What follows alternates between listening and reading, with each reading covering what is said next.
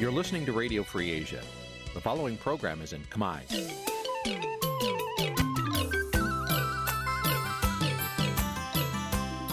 Nǐ chi càm bi tiệp xáy vệt chiu a zì sáy.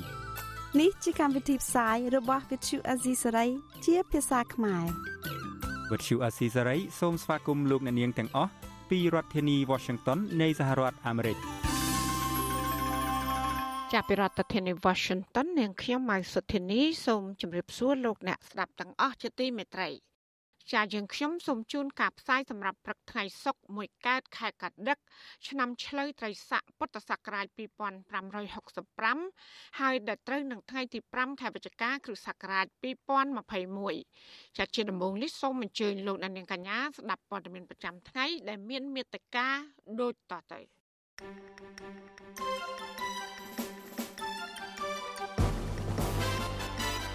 អ្នកវិភាគថាសារឆ្លងឆ្លើយរវាងព្រះមហាក្សត្រនិងលោកកឹមសុខាពុំអាចស្ដារស្ថានភាពនយោបាយឲ្យល្អឡើងវិញនៅឡើយទេចៅក្រមនៃតុលាការក្រុងភ្នំពេញថាកុមារកសវណ្ណឆៃគ្មានបញ្ហាស្មារតីនោះឡើយសង្គមស៊ីវិលសោកស្ដាយដែលរដ្ឋាភិបាលកម្ពុជាមិនបានចុះហត្ថលេខាលើសេចក្តីថ្លែងការណ៍ការពីប្រៃឈើសង្កត់ សង្គមស៊ីវិលសម្ដែងក្តីព្រួយបារម្ភពីការបន្តប្រើប្រាស់ពលកម្មកុមារក្នុងសិប្បកម្មលអិតចារួមនឹងព័ត៌មានផ្សេងផ្សេងៗមួយចំនួនទៀតជាបន្តទៅទៀតនេះនាងខ្ញុំម៉ៃសុធានីសូមជូនព័ត៌មានទាំងនោះពឺស្ដាប់ ចាលោកនាងជាទីមេត្រីអ្នកវិភាគសង្គមមើលឃើញថាបរិជ្ជសាររបស់ព្រះកណាសម្ដេចព្រះបរមនាថនរោត្តមសីហមុនីឆ្លើយឆ្លងគ្នាជាមួយនឹងលោកកឹមសុខាប្រធានគណៈបកសង្គ្រោះជាតិនោះគឺมันមានអ្វីគួរឲ្យកត់សម្គាល់ថាជាសញ្ញាណល្អក្នុងការទម្លុះទម្លាយភាពទាល់ច្រកផ្នែកនយោបាយនៅកម្ពុជានោះឡើយ។ ចាអ្នកវិភាគលោកកឹមសុខដែលកំពុងភៀសខ្លួននៅក្រៅប្រទេស ថាសារឆ្លងឆ្លើយនេះអាចបង្ហាញពីការខិតខំប្រឹងប្រែងរបស់លោកកឹមសុខា តាមមធ្យោបាយត្រជាក់ដើម្បីចង់ឲ្យមានកិច្ចសម្របសម្រួលនយោបាយមួយ ដែលនឹងកើតឡើងនាពេលខាងមុខ ចាលោកកឹមសុខាបានថ្វាយប្រពោប្រមហាក្សត្រក្នុងខួបទី17ឆ្នាំនៃការយាងគ្រងរាជសម្បត្តិកាលពីថ្ងៃទី28ខែតុលាកន្លងទៅ ថាលោកសូមថ្វាយប្រពោព្រះអង្គឲ្យមានប្រកាយពលរឹងមាំមានបរិយាសុខភាពល្អដើម្បីបំពេញបរិយាទួនាទីជាអ្នកធានាឯករាជ្យជាតិការគ្រប់សិទ្ធិមនុស្សសេរីភាពរបស់ប្រជាពលរដ្ឋនិងសន្ធិសញ្ញាអន្តរជាតិ ចាសម្ដេចព្រះបរមនាថនរោត្តមសីហមុនី បានឆ្លើយតបវិញទៅលោកកឹមសុខាថាព្រះអង្គបានទទួលហើយនៅសារថ្វាយប្រពោដែលមានអត្តន័យជ្រាលជ្រៅក្នុងឱកាសប្រពខួប17ឆ្នាំ នៃការឡើងគ្រងរាជ្យរបស់ព្រះអង្គចាលោកកឹមសុខបន្តថាព្រះមហាក្សត្រ ទំនងជាការលំបាកក្នុងបរិស្ថានរតីចំពោះវិបត្តិនយោបាយដែលចេះតែអូបន្លាយបែបនេះក៏ប៉ុន្តែព្រះអង្គស្ថិតនៅក្នុងដៃរដ្ឋាភិបាលលោកហ៊ុនសែនហើយដែលព្រះអង្គមិនអាចធ្វើអ្វីបានឬក៏មិនអាចឆ្លើយតបបានវិញឆ្ងាយជាមួយអ្នកនយោបាយបពប្រឆាំងក្រៅតែពីការប្រើពាក្យគូសំក្នុងការឆ្លើយតបបន្តិចបន្តួចប៉ុណ្ណោះ។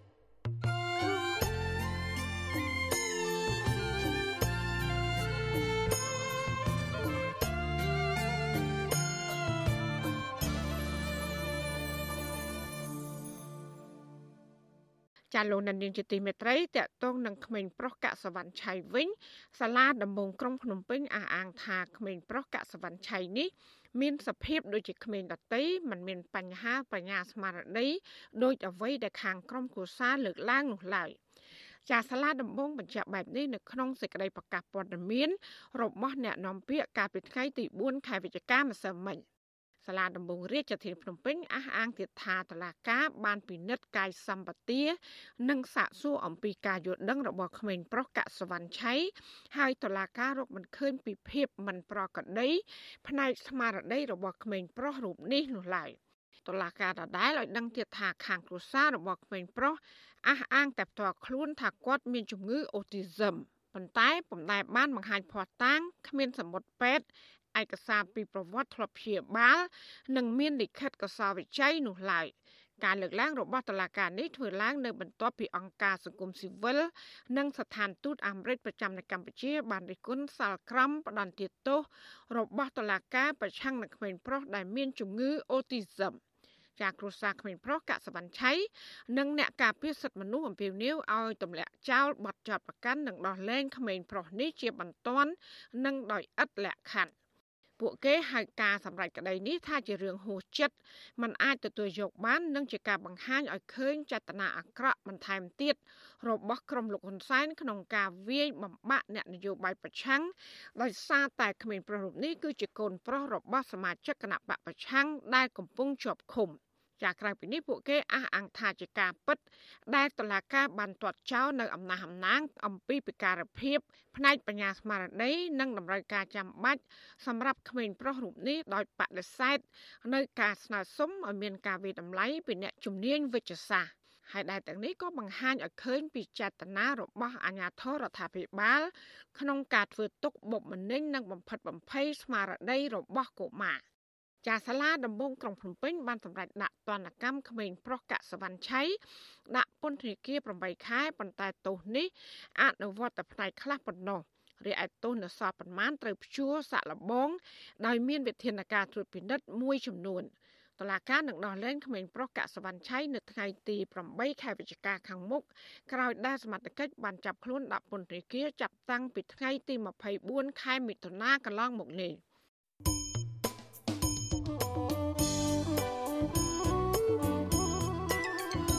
លោកអ្នកនាងកញ្ញាកំពុងស្ដាប់ការផ្សាយរបស់វិទ្យុអាស៊ីស្រីផ្សាយចេញពីរដ្ឋធានី Washington ជាវិទ្យុអាស៊ីស្រីផ្សាយតាមរលកធាតុអាកាសខ្លីឬ short wave តាមកម្រិតនិងកម្ពស់ដូចតទៅពេលព្រឹកចាប់ពីម៉ោង5កន្លះដល់ម៉ោង6កន្លះតាមរយៈរលកធាតុអាកាសខ្លី9390 kHz ស្មើនឹងកម្ពស់32ម៉ែត្រ ហើយនឹង11850 kHz ស្មើនឹងកម្ពស់ 25m ចាសម្រាប់ពេលយប់វិញចាប់ពីម៉ោង7កន្លះដល់ម៉ោង8កន្លះគឺតាមរយៈរលកធាតុអាកាសខ្លី9390 kHz ស្មើនឹងកម្ពស់ 32m ហើយនឹង15155 kHz ស្មើនឹងកម្ពស់ 20m ចាសសូមអរគុណ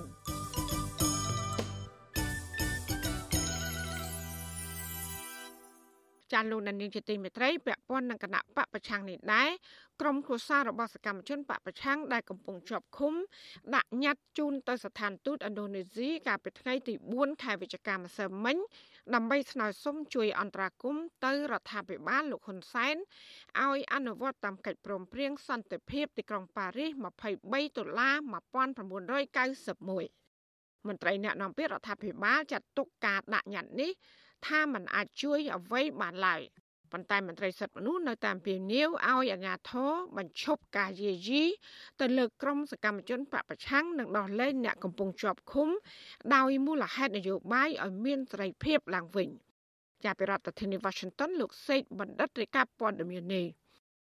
ក្រមស្ត្រីថ្ងៃសុកដែលជាប្រពន្ធកូនរបស់សកម្មជនគណៈបកសង្គ្រោះជាតិប្រមាណ10នាក់បាននាំគ្នាដាក់ញត្តិជូនស្ថានទូតឥណ្ឌូនេស៊ី ដែលជាទូតប្រទេសហត្ថលេខីនៃកិច្ចព្រមព្រៀងសន្តិភាពទីក្រុងប៉ារីសដើម្បីស្នើសុំឲ្យជួយសាររើកិច្ចព្រមព្រៀងជាប្រវត្តិសាស្ត្រនេះឲ្យជួយអន្តរាគមន៍ដោះលែងគ្រួសាររបស់ពួកគាត់ឲ្យមានសេរីភាពឡើងវិញ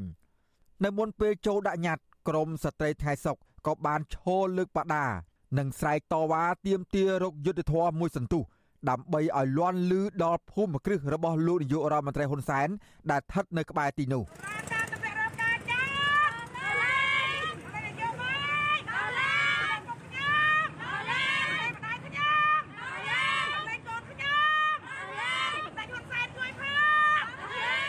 ទោះយ៉ាងណាការស្រែកដង្ហោយរោគយុទ្ធធរពីលោកហ៊ុនសែននោះត្រូវបានក្រមសមត្ថកិច្ចចម្រុះនិងកងសន្តិសុខប្រមាណ30នាក់រារាំងប៉ុន្តែมันមានអំពើហិង្សាកើតឡើងធ្ងន់ធ្ងរនោះទេ បន្ទាប់មកមន្ត្រីស្ថានទូតឥណ្ឌូនេស៊ីអនុញ្ញាតឲ្យតំណាងស្ត្រីថ្ងៃសុក2នាក់ចូលជួបពិភាក្សានិងដាក់ញត្តិតំណាងស្ត្រីថ្ងៃសុកនិងជាប្រពន្ធសមាជិកគណៈបកសង្គ្រោះជាតិកំពុងជាប់ឃុំលោកសុនធុនគឺលោកស្រីសេងច័ន្ទថនថ្លែងថា មន្ត្រីស្ថានទូតបានទទួលយកញត្តិនិងសន្យាបញ្ជូនញត្តិរបស់ពួកគាត់ទៅដល់ប្រធានាធិបតីឥណ្ឌូនេស៊ីលោកស្រីរំពឹងថាប្រទេសឥណ្ឌូនេស៊ីដែលជាសហប្រធាននិងជាប្រទេសហត្ថលេខីនៃកិច្ចព្រមព្រៀងសន្តិភាពទីក្រុងប៉ារីសដែរនោះនឹងជួយកោះប្រជុំប្រទេសហត្ថលេខីទាំងអស់ដើម្បីជួយដោះស្រាយបញ្ហានៅក្នុងប្រទេសកម្ពុជា ដែលកំពុងបាត់បង់លទ្ធិប្រជាធិបតេយ្យនិងការរំលោភសិទ្ធិមនុស្សធ្ងន់ធ្ងរខាងខ្ញុំក៏មានការសំណូមពរគាត់ដែរ ដើម្បីឲ្យគាត់ជួយដោះស្រាយហើយគិតគូរឡើងវិញនៅ23តុលាហ្នឹងឲ្យមានការជួបពិភាក្សាគ្នាដើម្បីដោះស្រាយបញ្ហាពួកខ្ញុំដែលប្រទេសកម្ពុជាយើងកំពុងតែបាត់បង់សិទ្ធិសេរីភាពហើយខ្ញុំគោរពឲ្យគាត់ជួយធ្វើយ៉ាងណាដើម្បីឲ្យមានការដោះលែងអ្នកទោសស្នេហាជាតិដែលកំពុងតែជាប់ឃុំយ៉ាងអយុត្តិធម៌នេះឲ្យមានការដោះលែងឆាប់ឆាប់ផងចាតកតងករណីនេះប្រធានអង្គភិបអ្នកណែនាំពាក្យរដ្ឋាភិបាលលោកផៃស៊ីផានឆ្លើយតបថា កម្ពុជាជាប្រទេសឯករាជ្យនិងមានអធិបតេយ្យភាពព្រមទាំងអនុវត្តទៅតាមរដ្ឋធម្មនុញ្ញរបស់ខ្លួនដូច្នេះគ្មានប្រទេសណាមួយអាចជ្រៀតជ្រែកកិច្ចការរបស់តុលាការបានឡើយចំពោះការរារាំងពីក្រមកម្លាំងសមត្ថកិច្ចមិនឲ្យក្រមស្ត្រីថ្ងៃសុកលើកបដានិងស្រែកតវ៉ានោះវិញលោកបកស្រាយថានេះជាការការពារសន្តិសុខសម្រាប់ធ្នាប់ជូនស្ថានទូតបរទេស ការតវ៉ាបាក់ញត្តិហ្នឹងអាហ្នឹងជាឯទស្សនវិជ្ជានិងសកម្មភាពនយោបាយទៅប៉ុណ្ណោះទេមិនមែនជាសកម្មភាពនៃនីតិរដ្ឋដែលធ្វើតាមដំណើរការតុលាការដំណើរការតុលាការគឺមិនមែនអំពាវនាវឲ្យបរទេសមកសម្រេចក្តីនោះទេគឺរដ្ឋធម្មនុញ្ញរបស់កម្ពុជា បានចែងបង្ហាញច្បាស់ថាតុលាការខ្មែរគឺមានសមត្ថកិច្ចក្នុងការកាត់សេចក្តីក្នុងនាមផលប្រយោជន៍របស់ប្រជាពលរដ្ឋខ្មែរបាទ ទោះយ៉ាងណាក្រមស្ត្រីថ្ងៃសុកអះអាងថាមូលហេតុដែលពួកគាត់ស្វះស្វែងរកកិច្ចអន្តរាគមន៍ពីស្ថានទូតបរទេសនេះព្រោះការដាក់ទោសទណ្ឌលើគ្រួសាររបស់ពួកគាត់គឺពាក់ព័ន្ធនឹងរឿងនយោបាយដែលកាត់ក្តីដោយតុលាការដែលស្ថិតនៅក្រោមឥទ្ធិពលរបស់គណៈបកកាន់អំណាចជុំវិញរឿងនេះអ្នកនាំពាក្យសមាគមការពារសិទ្ធិមនុស្សអាត6លោកសឹងសានករណា នៅតែអំពាវនាវឲ្យអាជ្ញាធរកម្ពុជា បញ្ឈប់ការយាយីលើប្រពន្ធកូនរបស់សកម្មជនគណៈបកប្រឆាំងដែលតវ៉ាដោយសន្តិវិធី និងទទូចឲ្យរដ្ឋាភិបាល ពិចារណាផ្ដល់សេរីភាពជូនសកម្មជននយោបាយដែលកំពុងជាប់ឃុំទាំងនោះឡើងវិញលោកយល់ថាការតស៊ូរបស់ក្រមស្ត្រីថ្ងៃសុកនេះនឹងនាំឲ្យស្ថានទូតប្រទេសប្រជាធិបតេយ្យកាន់តែយកចិត្តទុកដាក់បន្ថែមទៀតអំពីបញ្ហាអយុត្តិធម៌របស់ពួកគាត់ ដើម្បីឲ្យការមើលឃើញអំពីការបទូបថយស្ថានភាពនយោបាយហ្នឹងក៏បីមានការពិចារណាឲ្យពួកគាត់មានសេរីភាពឡើងវិញដែរពីព្រោះក្នុងរឿងទាំងអស់នេះវាមិនមែនជាសំណុំរឿងនៃការអនុវត្តច្បាប់អីទេវាជាសំណុំរឿងនយោបាយអញ្ចឹងហើយយើងដើម្បីកុំឲ្យពលរដ្ឋចេះតែបន្តការទាមទារតវ៉ាពីបណ្ដាទូតប្រទេសមួយទៅប្រទេសមួយបែបហ្នឹងវាធ្វើឲ្យប៉ះពាល់មកដល់មុខមាត់រដ្ឋាភិបាលផងដែរគួរតែមានការអន្តរាគមន៍និងបើកកំហនៅសិទ្ធិសេរីភាពទាំងអស់ ហ្នឹងហើយមានការដោះលែងពួកគាត់ទៅវាជាផ្នែកមួយដែលធ្វើឲ្យសហគមន៍អន្តរជាតិចាប់ដើមងាកនៃការគិតនិងការដាក់សម្ពាធនៅលើប្រទេសកម្ពុជាដែរខួប30ឆ្នាំនៃកិច្ចព្រមព្រៀងសន្តិភាពទីក្រុងប៉ារីសកាលពីថ្ងៃទី23ខែតុលាកន្លងទៅប្រជាពលរដ្ឋខ្មែរទាំងក្នុងនិងក្រៅប្រទេសក្រុមអង្គការសង្គមស៊ីវិលជាតិនិងអន្តរជាតិនិងប្រទេសហត្ថលេខីមួយចំនួន បានធ្វើសកម្មភាពផ្សេងផ្សេងគ្នាដើម្បីបង្ហាញការគាំទ្រនិងទាមទារឲ្យរបបលោកហ៊ុនសែនគោរពកិច្ចព្រមព្រៀងសន្តិភាពទីក្រុងប៉ារីសជាពិសេសប្រទេសហត្ថលេខីមួយចំនួន ដូចជាសហរដ្ឋអាមេរិកបារាំងអង់គ្លេសអូស្ត្រាលី និងជប៉ុនជាដើម បានលើកជាចំហថារដ្ឋាភិបាលលោកហ៊ុនសែនមិនទាន់អនុវត្តតាមកិច្ចព្រមព្រៀងសន្តិភាពទីក្រុងប៉ារីសឲ្យបានពេញលេញនៅឡើយទេហើយចំណុចខ្វះខាតទាំងនោះគួរត្រូវបានពិនិត្យពិចារណាឡើងវិញ ក្រមប្រទេសប្រជាធិបតេយ្យទាំងនោះបញ្ជាក់ច្បាស់ច្បាស់ទៀតថាពួកគេនៅឈរជាមួយនឹងប្រជាពលរដ្ឋខ្មែរដែលចង់បានការអភិវឌ្ឍការគោរពសិទ្ធិមនុស្សនិងលទ្ធិប្រជាធិបតេយ្យពិតប្រាកដស្របតាមស្មារតីនៃកិច្ចព្រមព្រៀងសន្តិភាពទីក្រុងប៉ារីសខ្ញុំបាទសេកបណ្ឌិតវុទ្ធុអាស៊ីសេរីពីរដ្ឋធានីវ៉ាស៊ីនតោន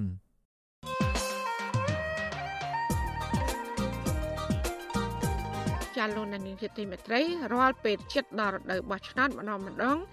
សកម្មជន សង្គមនិងនយោបាយដែលជាប់ឃុំរឿងនយោបាយតែងតែត្រូវបានតឡាការដោះលែងឬក៏បន្ធូរបន្ថយទោសប៉ុន្តែស្ថិតក្រោមលក្ខខណ្ឌឃ្លាំមើលពីសមត្ថកិច្ចនិងតុលាការតើបញ្ហានេះប៉ះពាល់អ្វីខ្លះដល់សិទ្ធិរបស់ប្រជាពលរដ្ឋឬក៏យុត្តិធម៌សង្គម ចាសសូមលោកអ្នកនាងកញ្ញារងចាំស្ដាប់និងទស្សនាកិច្ចពិភាក្សាអំពីរឿងនេះនៅក្នុងវេទិកាអ្នកស្ដាប់វិទ្យុអសីស្រីនៅរាត្រីថ្ងៃសុក្រនេះកំបីអខានចាបើសិនមកលោកណានៀងមានសំណួរឬក៏ចង់សាកសួរដល់ភ្ញៀវរបស់យើងដោយផ្ទាល់លោកណានៀងអាចដាក់លេខទូរស័ព្ទរបស់លោកណានៀងនៅក្នុង comment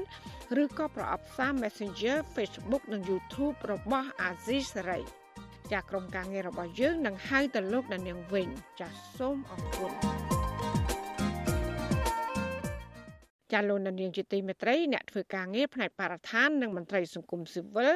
សោកស្ដាយដែលរដ្ឋាភិបាលកម្ពុជាមិនបានចុះហត្ថលេខាលើសេចក្តីថ្លែងការណ៍រួមស្ដីពីការការពារប្រៃឈើនិងការរិចរឹលដីនៃសន្និសីទអង្គការសហប្រជាជាតិដែលមានប្រទេសជិត130ចូលរួមចុះហត្ថលេខា ចាអ្នកធ្វើការងារផ្នែកបរិស្ថាននិងមន្ត្រីសង្គមស៊ីវិលថាអវត្តមាន នៃប្រទេសកម្ពុជាក្នុងសេចក្តីថ្លែងការណ៍រួមនៃអង្គការសហប្រជាជាតិស្តីពីការប្រែប្រួលអាកាសធាតុលើកទី26ដែលកំពុងធ្វើនៅប្រទេសអង់គ្លេសគឺជាសញ្ញានៃការគម្រាមកំហែងនិងការបំផ្លាញប្រៃឈើនៅកម្ពុជាចាពួកគេនៅតែជំរុញទៅរដ្ឋាភិបាលជាពិសេសក្រសួងបរិស្ថាន គួរពិចារណាឡើងវិញក្នុងការចូលរួមចុះហត្ថលេខានៃការបដិញ្ញា ការពៀប្រៃឈើដើម្បីបញ្ឈប់ និងកែប្រែឡើងវិញនៃការបាត់បង់ប្រៃឈើនិងការរិចរិលដីត្រឹមឆ្នាំ2030 ចាមន្ត្រីតស៊ូមតិនៃគម្រោងការពីប្រៃឈើនៃសមាគមបណ្ដាញយុវជនកម្ពុជា លោកសាន់ម៉ាឡាសង្កេតឃើញថាសេចក្តីថ្លែងការណ៍រួមនេះគឺជាការបង្ហាញនូវកិច្ចប្រឹងប្រែងរួមគ្នានឹងការពង្រឹងនៅសិទ្ធិអំណាចសហគមន៍មូលដ្ឋានដើម្បីការពារប្រៃឈើជាសកម្មជនបរិស្ថានរូបនេះសង្កេតឃើញថារដ្ឋាភិបាលមិនបានថែរក្សាគម្របព្រៃឈើដូចជាការបដិញ្ញាចិត្តនាពេលកន្លងទៅនោះទេ លោកថាប្រៃឈើកម្ពុជា បានថយចុះជាបន្តបន្ទាប់គណៈអ ுக ្រិតកម្មប្រៃឈើនិងការកាប់បំផ្លាញប្រៃឈើនៅតាមមូលដ្ឋាននៅតែបន្តកើតឡើងពីព្រោះសេចក្តីប្រកាសនេះវាមានតម្លៃហើយបដោតសំខាន់ទៅលើកិច្ចខិតខំប្រឹងប្រែងរួមគ្នាបាទនៅក្នុងការអភិរក្សព្រៃឈើប្រព័ន្ធអេកូឡូស៊ីបាទការស្ដារធនធានធម្មជាតិឡើងវិញ សន្និសីទអង្គការសហប្រជាជាតិស្តីពីការប្រែប្រួលអាកាសធាតុលើកទី26កំពុងប្រារព្ធធ្វើនៅប្រទេសអង់គ្លេសចាប់ពីថ្ងៃទី31ខែតុលាហើយនឹងក្រុងបញ្ចប់នៅថ្ងៃទី12ខែវិច្ឆិកាខាងមុខដែលមានរបៀបវារៈនិងសកម្មភាពជាច្រើនទាក់ទងកិច្ចការប្រៃឈើហើយនឹងការប្រែប្រួលអាកាសធាតុក្រៅតែពីតំណាងរដ្ឋាភិបាលនៃប្រទេសនានាដែលបានចូលរួមក៏មានសកម្មជនបរិស្ថានត្រូវបានអញ្ជើញឲ្យទៅចូលរួមផងដែរ ចាសកម្មជនបរិស្ថានលោកម៉ាចត្រាដែលបានចូលរួមក្នុងសន្និសីទនោះ បានសរសេរនៅលើ Facebook លោកថាគិតត្រឹមថ្ងៃទី3ខែវិច្ឆិកាមានប្រទេសចំនួន128ហើយដែលបានចូលរួមចុះហត្ថលេខាបដិញ្ញាចិត្តលើសេចក្តីថ្លែងការណ៍រួមនេះចាកាលពីថ្ងៃទី2ខែវិច្ឆិកាក្នុងសន្និសីទកម្ពុជា COP26 នេះបានចេញសេចក្តីថ្លែងការណ៍ជំរុញទៅរដ្ឋាភិបាលជំវិញពិភពលោកឲ្យអភិរក្សព្រៃឈើប្រព័ន្ធអេកូឡូស៊ីស្ដារធនធានធម្មជាតិនិងពង្រឹងសិទ្ធិអំណាចសហគមន៍ជាដើម។ ទោះយ៉ាងណារដ្ឋាភិបាលកម្ពុជាមិនទាន់មានឈ្មោះនៅក្នុងសេចក្តីថ្លែងការណ៍នោះនៅឡើយទេបើទោះបីជាប្រទេសក្បែរខាងរបស់កម្ពុជា រួមមានវៀតណាមឥណ្ឌូនេស៊ីប្រ៊ុយណេនិងប្រទេសហ្វីលីពីន បានចុះហត្ថលេខារួចហើយនោះក្តីក្រៅពីប្រទេសក្នុងតំបន់អាស៊ានទាំងនោះចូលរួមក៏មានប្រទេសធំធំផ្សេងទៀតដូចជាសហរដ្ឋអាមេរិកអូស្ត្រាលីជប៉ុន ចិនកូរ៉េខាងត្បូងក៏មានវត្តមាននៅក្នុងបញ្ជីឈ្មោះសេចក្តីថ្លែងការណ៍រួមក្នុងការបដិញ្ញាចិត្តដើម្បីបញ្ឈប់នឹងកែប្រែឡើងវិញនៃការធ្វើឲ្យបាត់បង់ប្រៃឈើនិងការរិចរិលដីត្រឹមឆ្នាំ2030នេះដែរចាជំវិញរឿងនេះវិទ្យុអាស៊ីសេរីនៅមិនទាន់អាចសុំការបំភ្លឺពីអ្នកនាំពាក្យរដ្ឋាភិបាលលោកផៃសិផានបាននៅឡើយទេ នៅថ្ងៃទី4ខែវិច្ឆិកាដោយសារតែទូរស័ព្ទហៅចូលតែគ្មានអ្នកទទួល ក៏ប៉ុន្តែអ្នកនាំពាក្យក្រសួងបរិស្ថានលោកនេតភត្រាបានប្រាប់វិទ្យុអសីស្រី ថាក្រសួងបរិស្ថានគ្រប់គ្រងចំពោះសេចក្តីថ្លែងការណ៍នេះនឹងបានគូសបញ្ជាក់ជាថ្មីនៅការបដិញ្ញាចិត្តរបស់រដ្ឋាភិបាលក្នុងការការពារនិងអភិរក្សធនធានធម្មជាតិនិងប្រព័ន្ធអេកូឡូស៊ីព្រមទាំងការដាំស្ដារឡើងវិញនៅគម្របព្រៃឈើ។ ចាលោកណេតភត្រាអះអាងថាកម្ពុជាបច្ចុប្បន្នមានផ្ទៃដីគម្របព្រៃឈើទំហំជាង8លានហិកតាស្មើប្រមាណជាង46%ហើយក្នុងនោះ41%ឬស្មើប្រមាណជាជាង7លានហិកតា គឺស្ថិតក្រោមការអភិរក្សរបស់ក្រសួងបរិស្ថានចាផ្ទៃដីអភិរក្សកម្ពុជានេះមានទំហំជាង3ដងជាងការកំណត់ដោយគោលការណ៍អភិរក្សជីវៈចម្រុះ ចាលោកបន្តថាក្រសួងបរិស្ថាននឹងបន្តបេសកកម្មរបស់ខ្លួនប្រកបដោយការទទួលខុសត្រូវនិងវិជ្ជាជីវៈក្នុងការគ្រប់គ្រងនិងការអភិរក្សតំបន់ការពារធម្មជាតិនៅក្នុងប្រទេសកម្ពុជាសម្រាប់មនុស្សរាប់ចំនួនទៅមុខទៀត។ ចាលោកថាដោយសារតែការការពារនិងអភិរក្សមានភាពល្អប្រសើរនេះហើយទើបកម្ពុជាទទួលបានជោគជ័យលើការលក់ឥណទានកាបោនៅលើទីផ្សារស្ម័គ្រចិត្តអន្តរជាតិស្ថានភាពជីវភាពរបស់ប្រជាពលរដ្ឋទៅតាមសហគមន៍តំបន់ការពារធម្មជាតិចាប់ផ្ដើមមានភាពល្អប្រសើរហើយផ្សារភ្ជាប់ទៅនឹងទេសចរធម្មជាតិហើយនឹងជំរឿថ្មី ក្នុងមុខរបររបស់ខ្លួន។ ចាទោះបីជាយ៉ាងណាអ្នកនាំពាក្យសមាគមអាត់ហុកលោកសង្សានករណាយល់ថាការដែលរដ្ឋាភិបាល មិនបានចុះហត្ថលេខាលើសេចក្តីថ្លែងការណ៍រួមនេះគឺជាការបង្ហាញថារដ្ឋាភិបាល មិនមានការទទួលខុសត្រូវច្បាស់លាស់ក្នុងការការពារបរិស្ថាននិងធនធានធម្មជាតិលោកក៏បានជំរុញទៅរដ្ឋាភិបាលពិនិត្យឡើងវិញ ក្នុងការផ្ដល់ហត្ថលេខាដើម្បីបដិញ្ញាចិត្តជាអន្តរជាតិមួយនេះ។ សហគមន៍អន្តរជាតិដែលគេធ្វើឡើងក្នុងសន្និសីទអីទាំងអស់ហ្នឹងគេទាមទារឲ្យមានការបញ្ជាក់ជាលក្ខអក្សរដើម្បីជាការវាស់វែងទៅលើការអនុវត្តជាក់ស្ដែងបើសិនជាការផ្ដល់ហត្ថលេខាឲ្យអនុវត្តជាក់ស្ដែងអត់បានឆ្លើយតបវាមានន័យថាយើងគ្រាន់តែធ្វើឡើងក្នុងន័យគម្រប់កិច្ចទេអញ្ចឹងនៅក្នុងរយៈកាលនេះយើងគប្បីមានការពិនិត្យមើលឡើងវិញអំពីរឿងទាំងអស់ហ្នឹងហើយវាស្របតាមឆន្ទៈរបស់ការពីបរិស្ថាននិងធនធានធម្មជាតិអីទាំងអស់ហ្នឹង ព្រៃឈើគឺជាធនធានធម្មជាតិមួយក្នុងចំណោមធនធានធម្មជាតិនានានៅកម្ពុជា ដែលកំពុងប្រឈមនឹងការបាត់បង់ក្នុងលបឿនយ៉ាងឆាប់រហ័សក្រោមការដឹកនាំរបស់លោកនាយករដ្ឋមន្ត្រីហ៊ុនសែនចាតនន័យវិជាសាស្ត្រថតតាមផ្កាយរណបរបស់សហរដ្ឋអាមេរិកនិងសហភាពអឺរ៉ុបបង្ហាញថាក្នុងឆ្នាំ2019ក្នុង1ម៉ោងកម្ពុជាបាត់បង់ព្រៃឈើធំជាងតារាងបាល់ទាត់មួយទៅទៀត សកម្មភាពកាប់ឈើខុសច្បាប់ដែលនាំឲ្យមានការកាប់បំផ្លាញព្រៃឈើដ៏សម្បើមនេះរដ្ឋកើតមានឡើងយ៉ាងពេញបន្ទុក ក្នុងអំឡុងពេលមានវិបត្តិជំងឺ Covid-19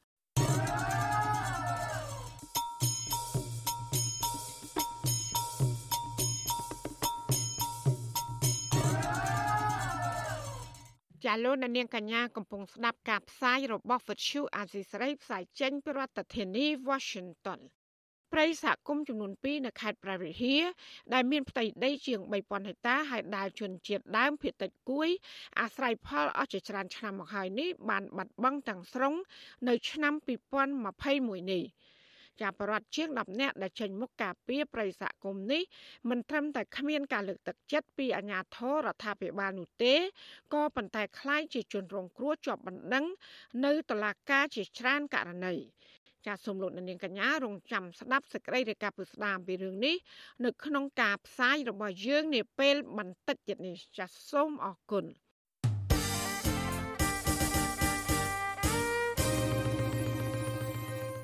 ចាលោកនាងជាទីមេត្រីនៅឯខេត្តកោះកុងអនុវិញក្រមប្រជាប្រដ្ឋដែលមិនព្រមទទួលយកសំណងគោលនយោបាយរដ្ឋាភិបាល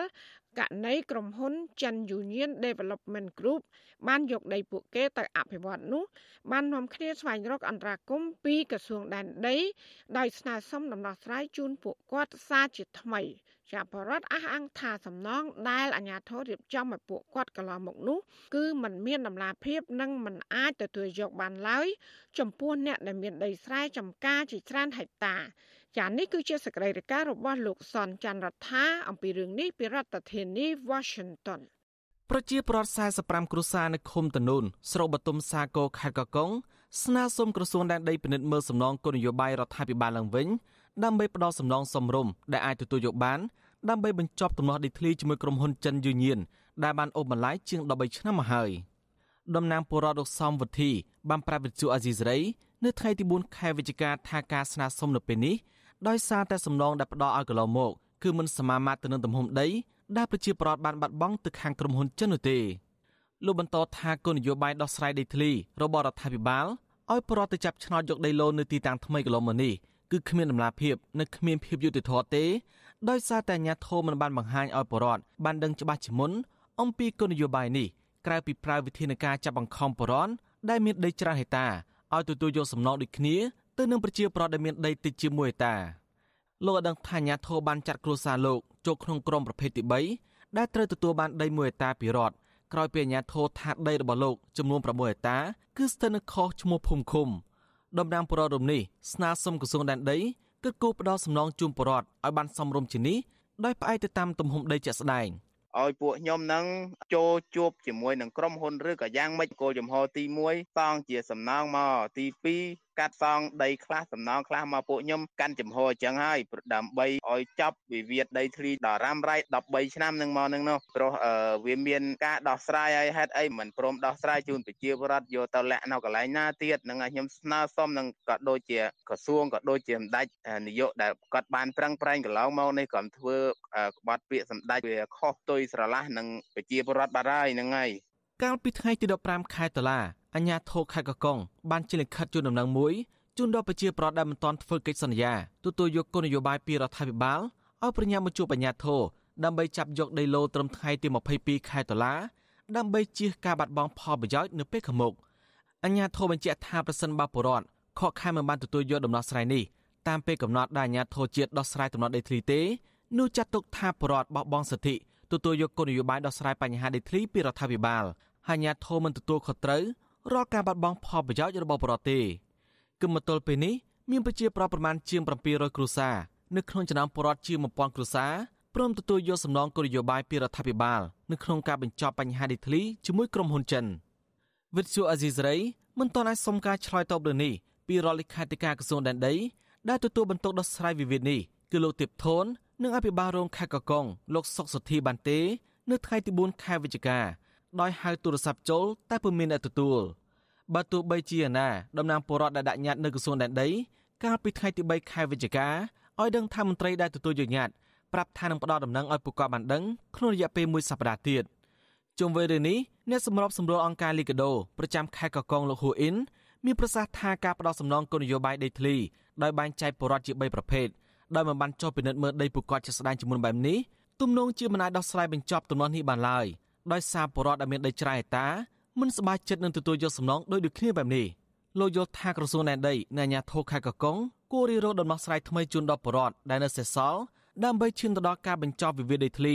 ជាមួយក្រុមហ៊ុនចិន Union Development Group ដោយជោគជ័យ។ យើងមិនអាចកំណត់យកទម្រង់នៃការដោះស្រាយដូចដូចគ្នាអញ្ចឹងទេកាលណាកំណត់បែបនេះយើងឃើញថាដំណោះនេះមិនអាចដោះស្រាយបញ្ចប់ទេអញ្ចឹងសូមឲ្យក្រសួងដែនដីក៏ដូចជាអាជ្ញាធរខេត្តកោះកុងហ្នឹងគួរតែពិចារណាឡើងវិញក្នុងការកំណត់គោលការណ៍នៃការដោះស្រាយឡើងវិញណាជំរឿនដែលល្អយើងអាចយកជាគំរូអ្នកការដោះស្រាយនៅពលជប៉ុននិងពលលំធានដែលមានការចរចាគ្នារវាងក្រុមហ៊ុនហើយនិងប្រជាប្រដ្ឋរងគ្រោះដែលមានអាជ្ញាធរជាអ្នកជួយសម្របសម្រួលយើងឃើញថាដំណោះនេះដោះស្រាយបញ្ចប់ទៅប្រជាប្រដ្ឋក៏សប្បាយចិត្តនឹងទទួលយកព្រោះគាត់បានចូលរួមជជែកក្នុងការចរចាជាមួយក្រុមហ៊ុនផ្ទាល់ក្រុមហ៊ុនចិន Union Development Group បានទទួលដីសម្បត្តិសេដ្ឋកិច្ចនៅចំកណ្ដាលជឿនជាតិបតុមសាគរក្នុងខេត្តកកុង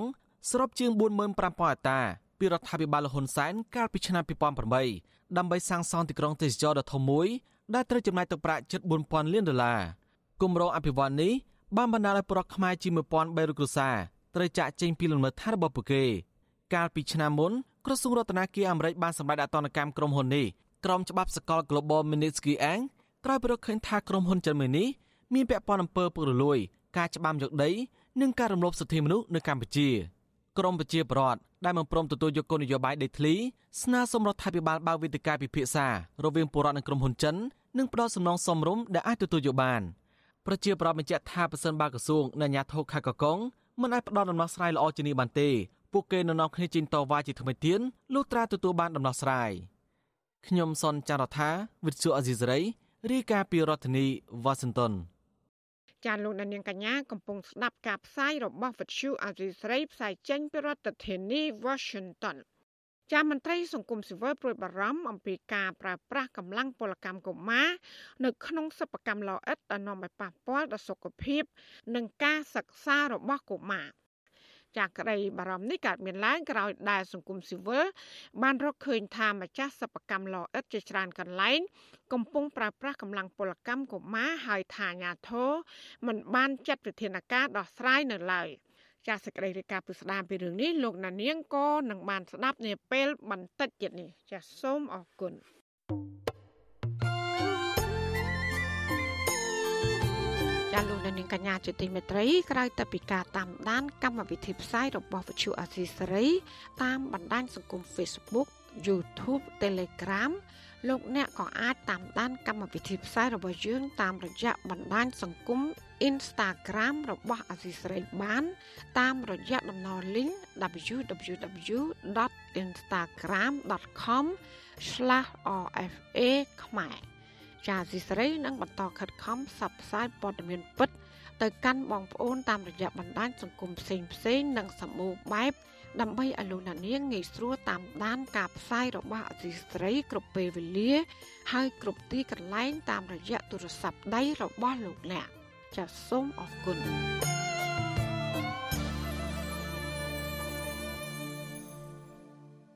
ចាលោកនាងជាទីមេត្រីសេចក្តីរាយការណ៍ពីខេត្តបរសៃអនុអនុវិញសាច់ញាតិជនរងគ្រោះអំពាវនាវឲ្យស្នងការខេត្តនេះអន្តរាគមករណីក្រុមហ៊ុនចិនមួយបានបង្ខាំងកម្មករខ្មែរ3នាក់និងបង្ខំឲ្យធ្វើការនៅក្នុងក្រុមហ៊ុនកាស៊ីណូមួយកន្លែងនៅក្រុងបរសៃអនុចាស្នងការខេត្តបរសៃអនុអះអាងថានឹងចាត់វិធានការស៊ើបអង្កេតរឿងនេះជាបន្ទាន់ប៉ះសិនបើបានទទួលពាក្យបណ្ដឹងពីប្រជាពលរដ្ឋ ចាសសូមស្ដាប់សេចក្តីរាយការណ៍របស់លោកទីនហ្សាការីយ៉ាជំវិញរឿងនេះដូចតទៅសាច់ញាតិជនរងគ្រោះនៅក្រុងប៉ោយប៉ែតខេត្តបន្ទាយមានជ័យប្រាប់វិទ្យុអាស៊ីសេរីនៅថ្ងៃទី4វិច្ឆិកាថាបងប្អូនជីដូនមួយរបស់លោក3នាក់មានស្រី2នាក់ប្រុសម្នាក់អាយុជាង20ឆ្នាំត្រូវបានជន់ជិតចិនម្នាក់ដែលជាម្ចាស់ក្រុមហ៊ុនកាស៊ីណូមួយកន្លែងបង្ខាំងឲ្យធ្វើការងារជាលបែងអនឡាញជាង2ខែមកហើយ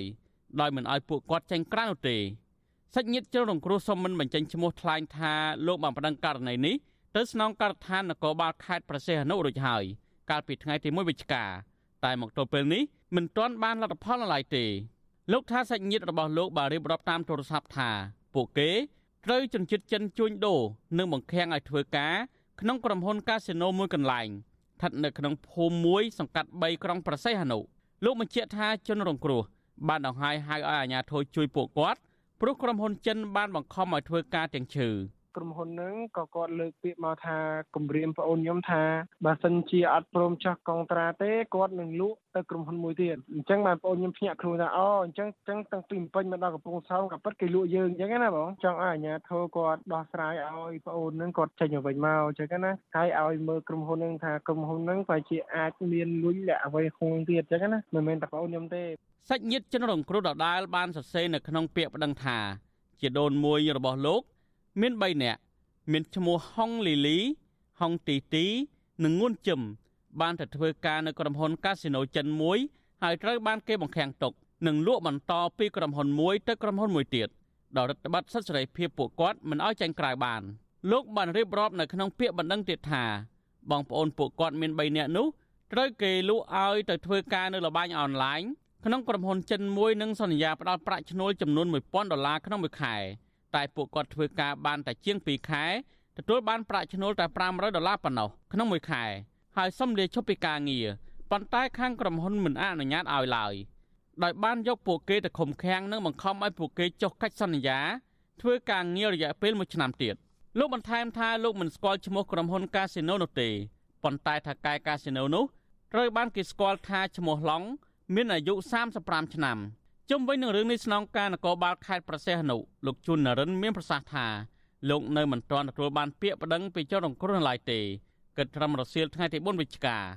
លោកសនំពរឲ្យចៅរងគ្រោះមកប្តឹងនៅស្នងការដ្ឋាននគរបាលខេត្តដោយផ្ទាល់ដើម្បីឲ្យនគរបាលពិនិត្យមើលអង្គហេតុបើសិនជាពាក់ព័ន្ធនឹងអំពើល្មើសច្បាប់លោកនឹងមានចំណាត់ការភ្លាមៗ គឺខ្ញុំត្រូវមានឯកសារទទួលមិនដឹងទោះតែយ៉ាងណាក៏ដោយត្រូវតែទទួលយប់ក៏ដោយថ្ងៃក៏ដោយហើយយើងនឹងអនុវត្តស្រាវជ្រាវជូនគាត់ទោះពិតមិនពិតរឿងហ្នឹងតែរឿងនេះអត់មានបានមកប្តឹងមកខ្ញុំទេពាក់ព័ន្ធនឹងល្មើសច្បាប់គឺខ្ញុំនឹងចំណាត់ការភ្លាមភ្លាមដោយមិនបង្អង់យូរទេបាទអានេះគឺជាអ្នកបម្រើប្រជាពលរដ្ឋនគរបាលទោះបីជាយ៉ាងនេះក្តីក្រុមគ្រួសារចរងគ្រោះអះអាងថា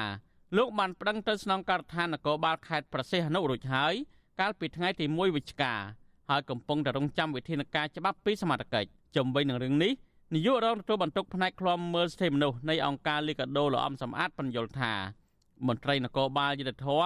មិនអាចចាំតែទទួលពាក្យបណ្ដឹងទើបមានចំណាត់ការនោះទេលោកបញ្យល់ថាពេលសមត្ថកិច្ចទទួលបានព័ត៌មានពីប្រភពណាមួយដែលតាក់ទងនឹងបទល្មើសសមត្ថកិច្ចពាក់ព័ន្ធត្រូវតែចុះស៊ើបអង្កេតដើម្បីអនុវត្តតាមច្បាប់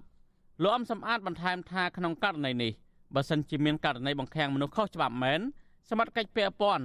ត្រូវតែស៊ើបអង្កេតរកជនល្មើសមកផ្តន្ទាទោសតាមផ្លូវច្បាប់ហើយបើសិនជាជនរងគ្រោះរងគ្រោះដោយសារការបំខាំងនិងការជួញដូរអានឹងត្រូវតែរូតរះក្នុងការអនុវត្តនីតិវិធីហើយរំដោះនៅជនរងគ្រោះនឹងបាទរបាយការណ៍របស់ក្រសួងមហាផ្ទៃឲ្យដឹងថាក្នុងរយៈពេល6ខែឆ្នាំ2021នេះរដ្ឋាភិបាលបានបង្ក្រាបករណីជួញដូរមនុស្សបានចំនួន58ករណី កើតឡើងមួយទ្វេជា2បើប្រៀបធៀបទៅនឹងឆ្នាំ2020រីឯរបាយការណ៍វិតម្លៃពីស្ថានភាពជួញដូរមនុស្សជាសកលប្រចាំឆ្នាំ2021របស់ក្រសួងការបរទេសអាមេរិកវិញដែលចេញផ្សាយនៅថ្ងៃទី2ខែកក្កដាកន្លងទៅបង្ហាញថាកម្ពុជាស្ថិតនៅក្នុងលំដាប់ថ្នាក់ទី2នៃបញ្ជីឃ្លាំមើលជាមួយនឹងប្រទេសជាច្រើនទៀតទាក់ទិននឹងការជួញដូរមនុស្សរបាយការណ៍រដារិគុណថារដ្ឋាភិបាលកម្ពុជា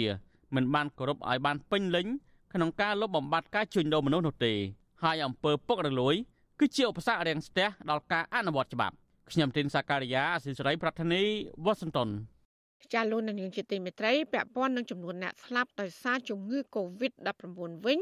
គឺអ្នកស្លាប់បានកើនឡើងដល់ជាង2800អ្នកហើយក្រោយដោយមានអ្នកជំងឺចំនួន6អ្នកទៀតបានស្លាប់ចាក្នុងនោះ3អ្នកមិនបានចាក់វ៉ាក់សាំង ចំណែកករណីឆ្លងថ្មីវិញក្រសួងសុខាភិបាលប្រកាសថាមាន83នាក់ដែលជាលទ្ធផលបញ្ជាក់ដោយម៉ាស៊ីនពិសោធន៍ PCR ជាកត្រឹមព្រឹកថ្ងៃទី4ខែវិច្ឆិកាកម្ពុជាមានអ្នកកើតជំងឺ Covid-19 សរុបជិត120,000នាក់ក្នុងនោះ គឺមានអ្នកជាសះស្បើយមានជាង110,000នាក់ ចាក្រសួងសុខាភិបាលប្រកាសថាគិតត្រឹមថ្ងៃទី3ខែវិច្ឆិការដ្ឋាភិបាលបានចាក់វ៉ាក់សាំងជូនប្រជាពលរដ្ឋដែលគ្រប់អាយុបានប្រមាណជា10លាននាក់ហើយសម្រាប់ដូសទី1និងជាង9លាន6សែននាក់សម្រាប់ដូសទី2ចំណែកឯកុមារនិងយុវជនដែលមានអាយុពី6ឆ្នាំដល់17ឆ្នាំវិញ ក្រសួងបញ្ជាក់ថាបានចាក់វ៉ាក់សាំងបានជាង3លាន7សែននាក់ក្នុងចំណោមអ្នកដែលត្រូវបានចាក់សរុបជិត 4លាននាក់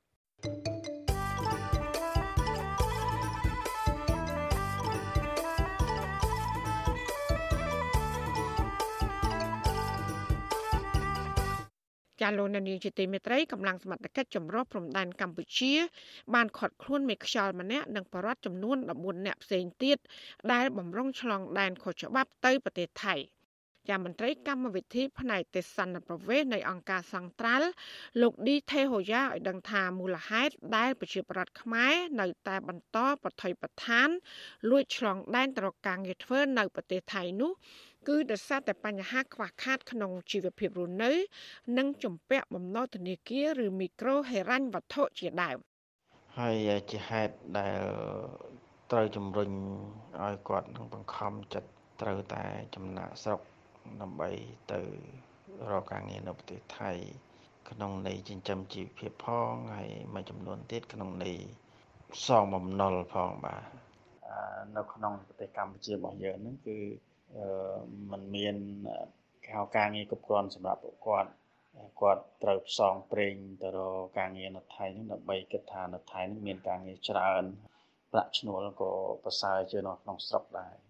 ចាការលើកឡើងរបស់មន្ត្រីអង្គការសង្ត្រានេះក្រោយដែលសមត្ថកិច្ចនៅតាមព្រំដែនកាលពីថ្ងៃទី3ខែវិច្ឆិកាបានចាប់ឃាត់ខ្លួនប្រជាពលរដ្ឋ15នាក់ក្នុងនោះមានម្នាក់ជាមេខ្យល់នៅត្រង់ចំណុចច្រកទ្វារព្រំដែនអូរំដួលស្ថិតនៅក្នុងភូមិអូថ្មីឃុំពេជ្រចន្ទាស្រុកភ្នំព្រឹកខេត្តបាត់ដំបង សមត្ថកិច្ចនគរបាលបានបញ្ជូនមេខ្យល់ឈ្មោះរ៉េនសុគន្ធអាយុ25ឆ្នាំ ដែលមានទីលំនៅនៅភូមិភ្នំតូចឃុំពេជ្រចន្ទាទៅនគរបាលស្រុកដើម្បីអនុវត្តតាមនីតិវិធីច្បាប់ចាចំណាយបរដ្ឋទាំង14នាក់នោះអាជ្ញាធរតម្រូវឲ្យធ្វើកិច្ចសន្យាបញ្ឈប់ការលួចឆ្លងដែន និងបញ្ជូនឲ្យវិលត្រឡប់ទៅកាន់លំនៅឋានរៀងៗខ្លួនវិញ។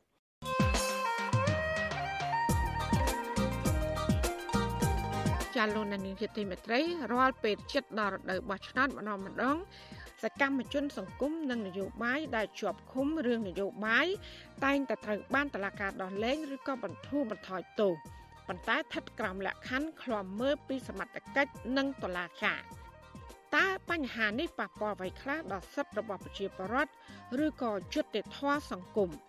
ចាសូមលោកអ្នកនាងកញ្ញារងចាំស្ដាប់និងទស្សនាកិច្ចពិភាក្សាអំពីរឿងនេះ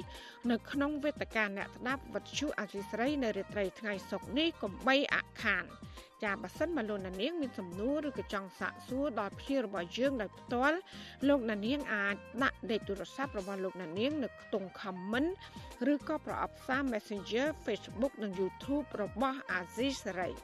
ចាក្រុមការងាររបស់យើងនឹងហៅទៅលោកអ្នកនាងវិញចាសូមអរគុណ ចាលោកនានីជាទីមេត្រីមន្ត្រីសង្គមស៊ីវិលព្រួយបារម្ភ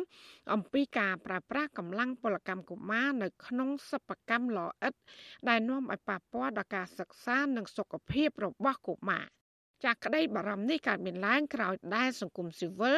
បានរកឃើញថាម្ចាស់សិប្បកម្មលអិតជាច្រើនកន្លែង កំពុងប្រើប្រាស់កម្លាំងពលកម្មកុមារហើយអាជ្ញាធរមិនបានចាត់វិធានការនៅឡើយទេ ចាសង្គមស៊ីវិលរកឃើញទៀតថាកត្តាដែលបណ្ដាលឲ្យមានការប្រើកម្លាំងពលកម្មកុមារនេះគឺភាគច្រើនដោយសារពុកម្ដាយជំពាក់បំណុលម្ចាស់សិប្បកម្មទាំងនោះចាប់ពីរដ្ឋធានី Washington លោកមានរិទ្ធមានសេចក្តីរាយការណ៍ពិស្ដារអំពីរឿងនេះដូចតទៅមន្ត្រីសង្គមស៊ីវិលជំរុញឲ្យក្រសួងការងារនិងបណ្ដុះបណ្ដាលវិជ្ជាជីវៈអនុវត្តនៅវិធានការបានមើងម៉ាត់លើម្ចាស់សិប្បកម្មលោអិតណាដែលបណ្តែតបណ្ដោយឲ្យកុមារធ្វើការងារនៅក្នុងលោអិតរបស់ខ្លួន សង្គមស៊ីវិលព្រួយបារម្ភថាការបណ្តែតបណ្ដោយឲ្យកុមារធ្វើការងារបែបនេះអាចនឹងធ្វើឲ្យពួកគេបោះបង់ចោលការសិក្សានាពេលខាងមុខបានសហព័ន្ធសហជីពកម្មករសំណង់នឹងព្រៃឈើបានស្រាវជ្រាវនៅតាមសិប្បកម្មលោអិតប្រមាណ30កន្លែង នៅខេត្តជុំវិញរាជធានីភ្នំពេញ កាលពីឆ្នាំ2018ហើយរកឃើញថាមានកម្មករជាង6000នាក់ធ្វើការជាមួយពុកម្ដាយរបស់ពួកគេនៅក្នុងសិប្បកម្មលោអិតទាំងនោះក្នុងនោះ ក៏មានកុមារអាយុក្រោម18ឆ្នាំជាង600នាក់ហើយបច្ចុប្បន្ននៅតែបន្តកើតមានដដែលអគ្គលេខាធិការសហព័ន្ធសហជីពកម្មករសំណង់និងព្រៃឈើលោកយ៉ាន់ធីប្រាប់វិសុយស៊ីស្រីថាបញ្ហាធំបំផុតនោះគឺបំណុលដែលពុកម្ដាយភ ieck ច្រើនបានខ្ចីប្រាក់ពីម្ចាស់សិប្បកម្មលអិតមុនយកមកប្រើប្រាស់រួចហើយនាំសមាជិកគ្រួសាររបស់ពួកគាត់រួមទាំងកុមារផង ទៅធ្វើការដើម្បីរកប្រាក់សងបំណុលថកែវិញ លោកបញ្ជាក់ទៀតថាក្មេងៗមួយចំនួនរវល់ធ្វើការងារជាមួយពុកម្ដាយមិនបានទៅរៀនសូត្រនៅសាលារៀននោះទេលោកព្រួយបារម្ភថាការធ្វើបែបនេះនឹងធ្វើឲ្យកុមារទាំងនោះលែងខ្វល់ខ្វាយពីការរៀនសូត្រហើយអាចនឹងធ្វើឲ្យពួកគេបោះបង់ចោលការសិក្សានាពេលខាងមុខផងលោកជឿជាក់ថាមានកម្មករខ្លះមានបំណុលបន្សល់ទុកដល់កូនកូនរបស់ពួកគេបន្តទៀត ដោយសារតែពួកគាត់ធ្វើការងារបានប្រាក់ចំណូលតិចតួចហើយត្រូវបែងចែកសម្រាប់ដោះស្រាយជីវភាពគ្រួសារផង និងដើម្បីបានសងបំណុលថកែផងលក្ខខណ្ឌការងារហ្នឹងគឺគ្មានម៉ោងពេលអីត្រឹមត្រូវទេជួនកាលទៅគាត់ត្រូវងើបពីយប់ដើម្បីបានលទ្ធផលអត់នឹងឲ្យបានច្រើនគាត់ត្រូវងើបម៉ោង3ម៉ោង4ព្រឹកហ្នឹងត្រូវចាប់ផ្ដើមធ្វើការជូនអត់ជូនអីយកទៅ កន្លែងឡកន្លែងរៀបចំរៀបអីចឹងណាដោយសារថាគិតពីលទ្ធផលគេគិតគេគិតពីលទ្ធផលគេអត់គិតម៉ោងគិតអីចឹងលក្ខខណ្ឌការងារហ្នឹងវាពិបាកឲ្យសុខភាពសុវត្ថិភាពហ្នឹងគាត់ក៏មិនសូវមានសុវត្ថិភាពដែរព្រោះគាត់ធ្វើការនៅកន្លែងក្តៅហើយដៃជើងគាត់អីហ្នឹងគ្មានសម្ភារៈអីការពារទេលោកយ៉ាន់ធីបន្ថែមថាបច្ចុប្បន្នមានម្ចាស់សិប្បកម្មលោអិតមួយចំនួន មិនដឹងថាកម្មករបានប្រើប្រាស់កម្លាំងពលកម្មកុមារនៅក្នុងសិប្បកម្មរបស់ខ្លួននោះទេនឹងខ្លះទៀតថកែដឹងដែរក៏ប៉ុន្តែធ្វើមិនដឹងមិនលឺហើយថែមទាំងបានជួយលាក់បាំងកម្មករកុមារនៅពេលដែលអាជ្ញាធរចុះទៅត្រួតពិនិត្យនៅក្នុងសិប្បកម្មរបស់ពួកគេទៀតផង។ អញ្ញាធរដូចអញ្ញាធរគាត់ទៅអញ្ចឹងទៅអន្តការកិច្ចគាត់ទៅទៅទៅទៅផ្លែទៅមុនទៅអញ្ចឹងប្រាប់តកែឬក៏ប្រាប់នៃការថាទៅអញ្ចឹងគេរៀបចំឲ្យអង្គគេដេញផ្សេងផ្សេងចេញអត់ទៅពេលអន្តការកិច្ចទៅបាត់អញ្ចឹងទៅមកធ្វើការធម្មតាចាហ្នឹងគឺវាសំសើចក្នុងការអនុវត្តដែរអញ្ចឹងណាប៉ុន្តែខ្ញុំមិនដឹងថាតាំងពីអន្តការកិច្ចមកថាតើអន្តការកិច្ចនេះគាត់ចោះបាន មានចាប់បានថាឡណាមានប្រើប្រាស់ក្មេងឬក៏អត់ហើយបើសិនជាមានឧទាហរណ៍ថាមានករណីការប្រើប្រាស់ក្មេងទៅតើ អន្តការកិច្ចគាត់មានវិធានការឬក៏ចំណាត់ការយ៉ាងណាគឺយើងក៏អត់បានបានច្បាស់ដែរអញ្ចឹងណាកម្មករមួយគ្រួសារដែលបច្ចុប្បន្នកំពុងធ្វើការនៅក្នុងសិប្បកម្មលអិតនៅស្រុកមុខកំពូលខេត្តកណ្ដាលបានប្រាប់វិសុយស៊ីស្រីទាំងផិតភ័យថាមួយរយៈពេលនេះមានអាជ្ញាធរចុះមកត្រួតពិនិត្យដល់កន្លែងធ្វើការងាររបស់ពួកគាត់ដែរក៏ប៉ុន្តែលោកស្រីមិនហ៊ាននិយាយលម្អិតអំពីសកម្មភាពនៃការចុះត្រួតពិនិត្យវាតម្លៃយ៉ាងណានោះទេ ជាងនេះទៅទៀតលោកស្រីក៏មិនប្រាប់អំពីស្ថានភាពការងារនៅកន្លែងធ្វើការងាររបស់ពួកលោកស្រីដែរដោយសារភ័យខ្លាចមានបញ្ហាជាមួយថកែសុំទោសឲ្យពួកខ្ញុំមិនអាចផ្ដល់ព័ត៌មានបានទេព្រោះគង់តែមានបញ្ហាអញ្ចឹងខ្ញុំមិនអាចនិយាយបានខ្លាចវាមានខុសឆ្គងពីអីតិចទៅខ្លាចមានបញ្ហាអញ្ចឹងខ្ញុំអត់និយាយមកខ្ញុំធ្វើការចិត្តជាចំនួនដល់ពេលអញ្ចឹងវាអត់ទៀងហ្នឹងគ្រូជាងធ្វើបានច្រើនបានច្រើន តាមផ្នែកផ្នែករបស់គេហ្នឹងគ្រូផ្នែកគឺថាផ្នែកផ្សេងទៅគឺគិតតម្លៃផ្នែកផ្សេងហ្នឹងមួយថ្ងៃវាគេចែកទៅបាន10000ជាងណាតើតើនឹងបញ្ហានេះវិសុយស៊ីស្រីមិនអាចតតងណែនាំពាក្យក្រសួងកាងារលោកហេងសួរដើម្បីសូមអធិប្បាយជុំវិញបញ្ហានេះបាននៅឡើយទេនៅថ្ងៃទី4ខែវិច្ឆិកាក៏ប៉ុន្តែក្រសួងកាងារបានបំភ្លឺនៅក្នុងសេចក្តីប្រកាសព័ត៌មានថាក្រមអធិការកិច្ចកាងារបានចុះស្រាវជ្រាវនៅក្នុងសិប្បកម្មលអិតនៅស្រុកមុខកំពូលខេត្តកណ្ដាល គឺมันមានការប្រើប្រាស់កម្លាំងពលកម្មលើកុមារអាយុក្រោម15ឆ្នាំដោយសារពុកម្ដាយជំពាក់បំណុលម្ចាស់សិប្បកម្មនោះទេទោះជាយ៉ាងណាកម្មករម្នាក់ធ្វើការនៅក្នុងសិប្បកម្មលអិតនៅខេត្តកំពង់ធំ លោកស្រីប៉ូណៃប្រាវិសុយស៊ីស្រីថាគ្រួសារលោកស្រី មានគ្នា3នាក់នៅក្នុងនោះមានកូនប្រុសអាយុ17ឆ្នាំម្នាក់ផងកំពុងធ្វើការនៅក្នុងសិប្បកម្មលអិតស្ត្រីវ័យ47ឆ្នាំរូបនេះបញ្ជាក់ថាខែណាដែលមានការងារធ្វើទៀងទាត់ ពួកលោកស្រីអាចធ្វើការរកប្រាក់ចំណូលបានជាង1លាន5សែនរៀលនៅក្នុងមួយខែលោកស្រីបន្តថាប្រាក់ចំណូលទាំងនោះគឺសម្រាប់តែដោះស្រាយជីវភាពគ្រួសារតែប៉ុណ្ណោះមិនមានប្រាក់សន្សំដើម្បីដើរលេងកម្សាន្តឬសម្រាប់ព្យាបាលនៅក្នុងពេលធ្លាក់ខ្លួនឈឺនោះទេគឺការអត់លក់ធ្វើងារបានមកទុកទួលមកមករស់ក៏រស់ទាំងពិបាកដែរបើយើងមិនទៅរស់ក៏អត់ដែរបើទៅរស់ទៅក៏បានហូបទៅ ឈឺក៏នៅផ្ទះមួយថ្ងៃពីរថ្ងៃទៅជាវិញទៅទៅធ្វើទេទៅគ្រូអត់អីទេអូគ្រូឲ្យដែរមិនស្នោះហាសំធ្វើល្មិចតែរឿងកូនចង់ឲ្យរៀនទាំងអស់ទាំងអស់គ្នាប៉ុន្តែវាអត់អីរៀនអត់កើតកូនខ្ញុំវាសំខ្ញុំឈប់វាថាខ្ញុំសំខ្ញុំទៅប៊ូទេដល់ខ្ញុំតាំងកូនបើសិនឈប់ទៅប៊ូទៅទៅទៅសម្រាប់10វាឈប់វាមានទៅប៊ូវាណាក៏វានៅនៅធ្វើការខែឲ្យគេទៅមួយខែ60ម៉ឺនលោកស្រីបន្តថានៅតំបន់ដែលលោកស្រីធ្វើការ មានសិប្បកម្មលអិននិងលក្បឿងប្រមាណ50កន្លែង ដែលមានកម្មករធ្វើការប្រមាណពី5នាក់ទៅជាង100នាក់នៅក្នុងមួយកន្លែង ដែលក្នុងនោះសិប្បកម្មខ្លះក៏មានកុមារធ្វើការជាមួយឪពុកម្ដាយរបស់ពួកគេផងដែរកាលពីចុងឆ្នាំ2016អង្គការលីកាដូបានចេញផ្សាយរបាយការណ៍មួយទាក់ទងទៅនឹងពលកម្មកុមារនៅសិប្បកម្មលផលិតឥដ្ឋរបាយការណ៍នេះពិព័រណ៍នានាលំអិតអំពីមធ្យោបាយដែលម្ចាស់សិប្បកម្ម ជ្រើសរើសកម្មករដោយការផ្ដល់ប្រាក់កម្ចីនិងការផ្ដល់កន្លែងស្នាក់នៅដល់គ្រួសារទីតក្ររបាយការណ៍រកឃើញថាម្ចាស់សិប្បកម្មទាំងនោះធានាផ្ដល់ប្រាក់កម្ចីដោយការសន្យារបស់កម្មករថាអ្នកទាំងនោះត្រូវធ្វើការនៅក្នុងសិប្បកម្មរហូតដល់ប្រាក់កម្ចីទាំងនោះត្រូវបានទូទាត់សងវិញគ្រប់ចំនួនទោះបីជាយ៉ាងណាក៏ដោយប្រាក់ឈ្នួលនៅក្នុងសិប្បកម្មមានចំនួនទាបណាស់ដែលចំណូលនេះកម្មករអាចយកមកប្រើប្រាស់សម្រាប់តែផ្គត់ផ្គង់ជីវភាពរស់នៅតែប៉ុណ្ណោះ គឺมันអាចសងបំណុលដល់ម្ចាស់សិប្បកម្មវិញបាននោះទេហើយកម្មករជាច្រើន បានខ្ចីប្រាក់បន្ថែមជាច្រើនទៀតពីម្ចាស់សិប្បកម្មអង្គការលីកាដូក៏រកឃើញទៀតថាមូលហេតុដំបូងឡើយដែលកម្មករខ្ចីប្រាក់ពីតកែឡអិតគឺដោយសារតែសមាជិកក្នុងក្រុមគ្រួសាររបស់ពួកគេមានជំងឺឬទិន្នផលដំណាំមិនល្អប្រាក់កម្ចីដំបូងឡើយមានចំនួនតិចទេគឺចន្លោះពី200ទៅ300ដុល្លារអាមេរិកក៏ប៉ុន្តែរយៈពេលកាន់តែយូរយូរទៅ ប្រាក់បំណុលក៏ចេះតែកើនឡើងហើយកម្មករដែលបានផ្ដល់បទសម្ភាសន៍នៅក្នុងការសិក្សាស្រាវជ្រាវនេះមានជាប់ជំពាក់បំណុលសរុបចាប់ពី1000ដុល្លារទៅ6000ដុល្លារដែលជាចំនួនទឹកប្រាក់មួយដែលអ្នកទាំងនោះមិនអាចមានលទ្ធភាពសងអស់នោះឡើយ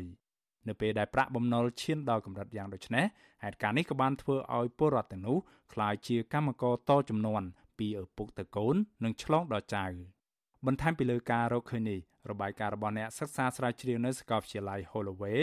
នៃចក្រភពអង់គ្លេសកាលពីចុងឆ្នាំ2018កន្លងទៅក៏រកឃើញដែរថាពលរដ្ឋកម្ពុជារាប់ពាន់គ្រួសារដែលជាប់ជំពាក់បំណុលគេក្នុងនោះក៏រួមមានទាំងកុមារផង កំពុងធ្វើការងារនៅក្នុងស្ថានភាពដ៏លំបាកលំបិននិងដ៏គ្រោះថ្នាក់បំផុត ដើម្បីបំពេញតម្រូវការឥដ្ឋដែលរបាយការណ៍ចាត់ទុកថាជាឥដ្ឋឈាម សម្រាប់ការសាងសង់របាយការណ៍ដដែលលើកឡើងថា កម្មករលអិតទាំងអស់នោះត្អូញត្អែថាពួកគេទទួលរងនៅជំងឺផ្លូវដង្ហើមដោយសារតែគ្មានឧបករណ៍ការពារផ្លូវដង្ហើមបណ្ដាលមកពីការដកដង្ហើមពីចំហាយនិងធូលីលអិតហើយមានករណីខ្លះកម្មករក៏បានរងគ្រោះថ្នាក់ដល់ពីការអវយវៈទៀតផងរបាយការណ៍ដឹងទៀតថានៅពេលណាដែលកម្មករត្រូវការព្យាបាលជំងឺឬចង់សម្រាកពីការងារម្ចាស់សិប្បកម្មមិនអនុញ្ញាតឲ្យសមាជិកគ្រួសាររបស់ពួកគេទៅជាមួយនោះទេដើម្បីធានាថាអ្នកចាក់ចេញពីឡអិត នឹងវិលត្រឡប់មកវិញមន្ត្រីសហជីពលោកយ៉ាន់ធីយល់ថាដើម្បីដោះស្រាយកុំឲ្យមានការប្រើប្រាស់កម្លាំងពលកម្មកុមារត្រូវការនឹងអាណាព្យាបាលត្រូវសហការជាមួយអាជ្ញាធរពាក់ព័ន្ធធ្វើយ៉ាងណាកុំឲ្យកុមារធ្វើការងារនិងហាមមិនឲ្យកុមារចូលទៅក្នុងសិប្បកម្មលោអិតជាដើម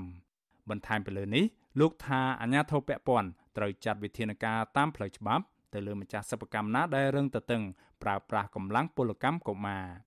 លោកជឿជាក់ថាប៉ះសិនបាអាជ្ញាធរមិនព្រមដោះស្រាយបញ្ហានេះទេនោះនឹងមានកុមារជាច្រើនអ្នកបោះបង់ចោលការសិក្សា ដែលនឹងក្លាយទៅជាបញ្ហាសង្គមជាក់ជាមិនខានខ្ញុំបាទមេរិត Visual C ស្រីរាយការណ៍ពីរដ្ឋធានី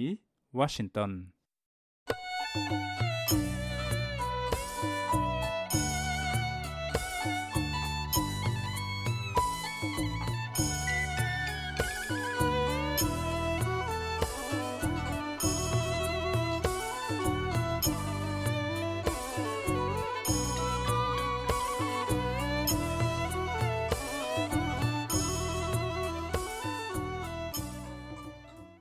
លោកនានីជាទីមេត្រីប្រិយសហគមន៍ចំនួន2នៅខេត្តប្រាវិហា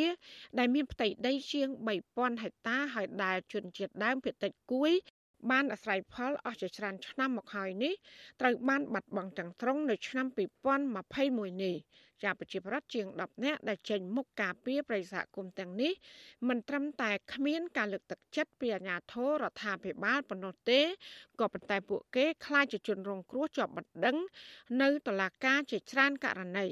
ចាសសូមលោកណានៀងស្ដាប់សេចក្តីរាយការណ៍របស់លោកលេងម៉ាលីជំវិញបញ្ហានេះពីរដ្ឋធានី Washington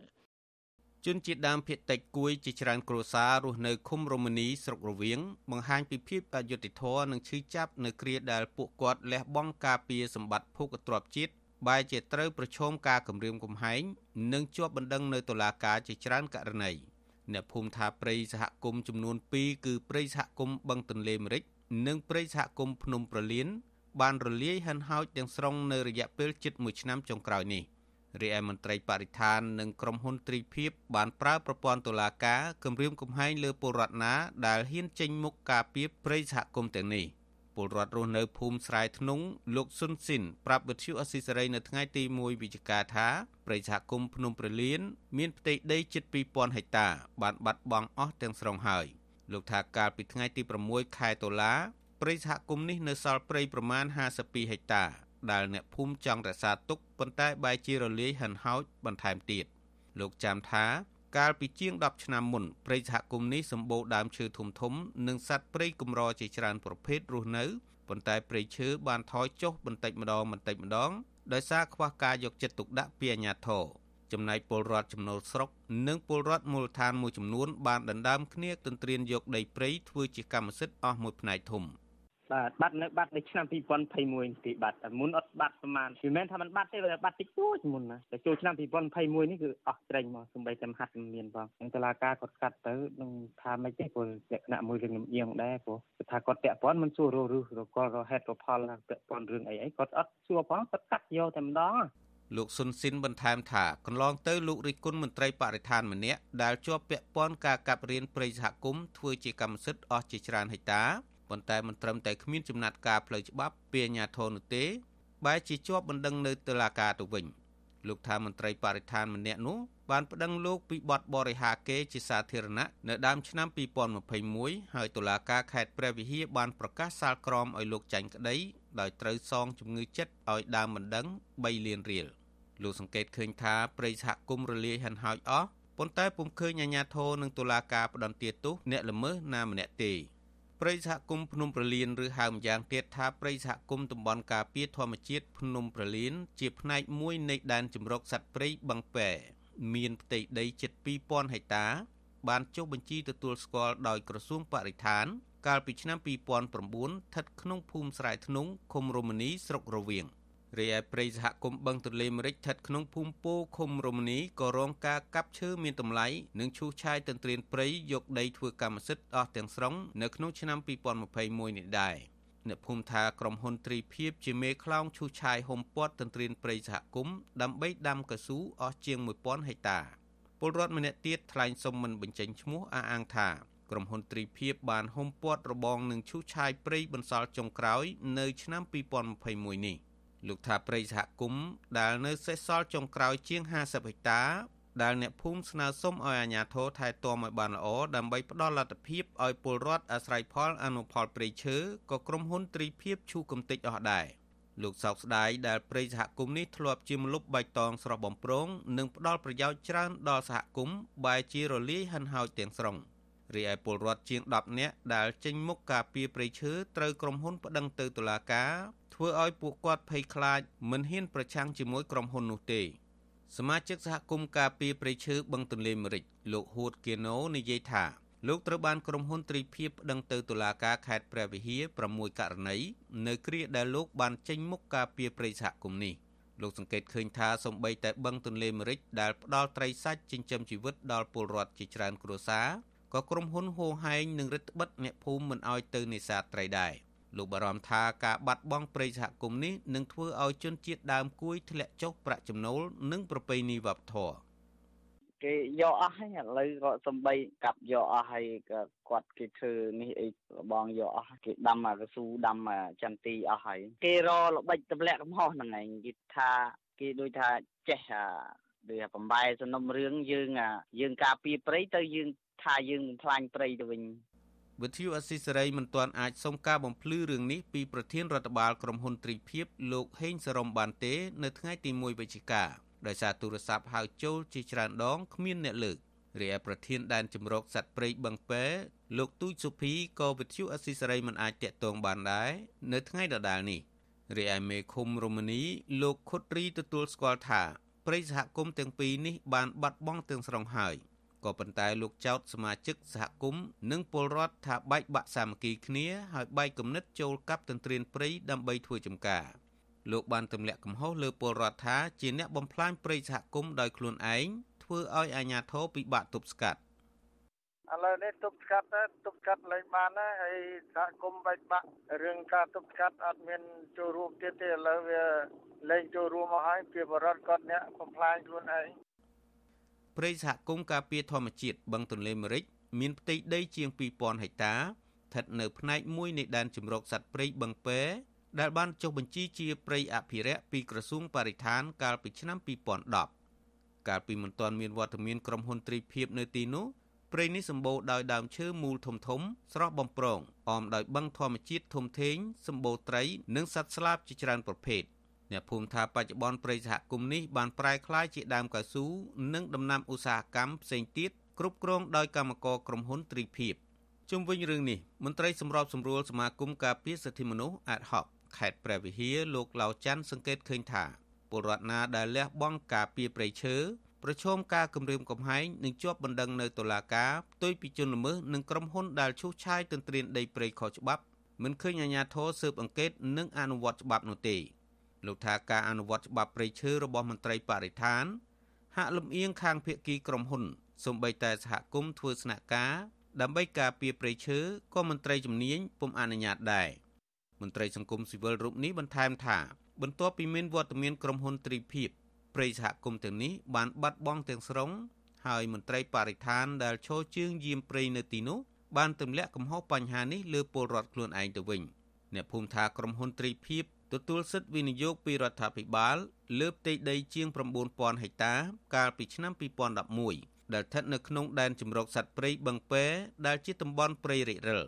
ប៉ុន្តែផ្ទៃដីដែលរដ្ឋាភិបាលផ្ដល់ឲ្យក្រុមហ៊ុនវិនិយោគមិនមែនជាព្រៃរិចរិលនោះទេតែជាព្រៃស្រោងសម្បូរដោយដើមឈើផលិតជាប់ទឹករបស់ពលរដ្ឋហើយក្រុមហ៊ុនបានបើកទីតាំងកាប់រំលំឈើធ្វើអាជីវកម្មនិងឈូសឆាយហុំព័ទ្ធទន្ទ្រានព្រៃខុសច្បាប់ដើម្បីដាំកៅស៊ូអស់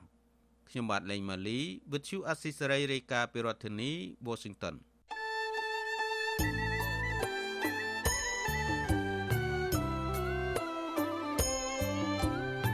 ចាលោកនាងកញ្ញាអ្នកស្ដាប់ជទីមេត្រីកັບផ្សាយរយៈពេល1ម៉ោងនៃវិទ្យុអសីស្រីជាភាសាខ្មែរនៅពេលនេះចាប់តែប៉ុណ្ណេះ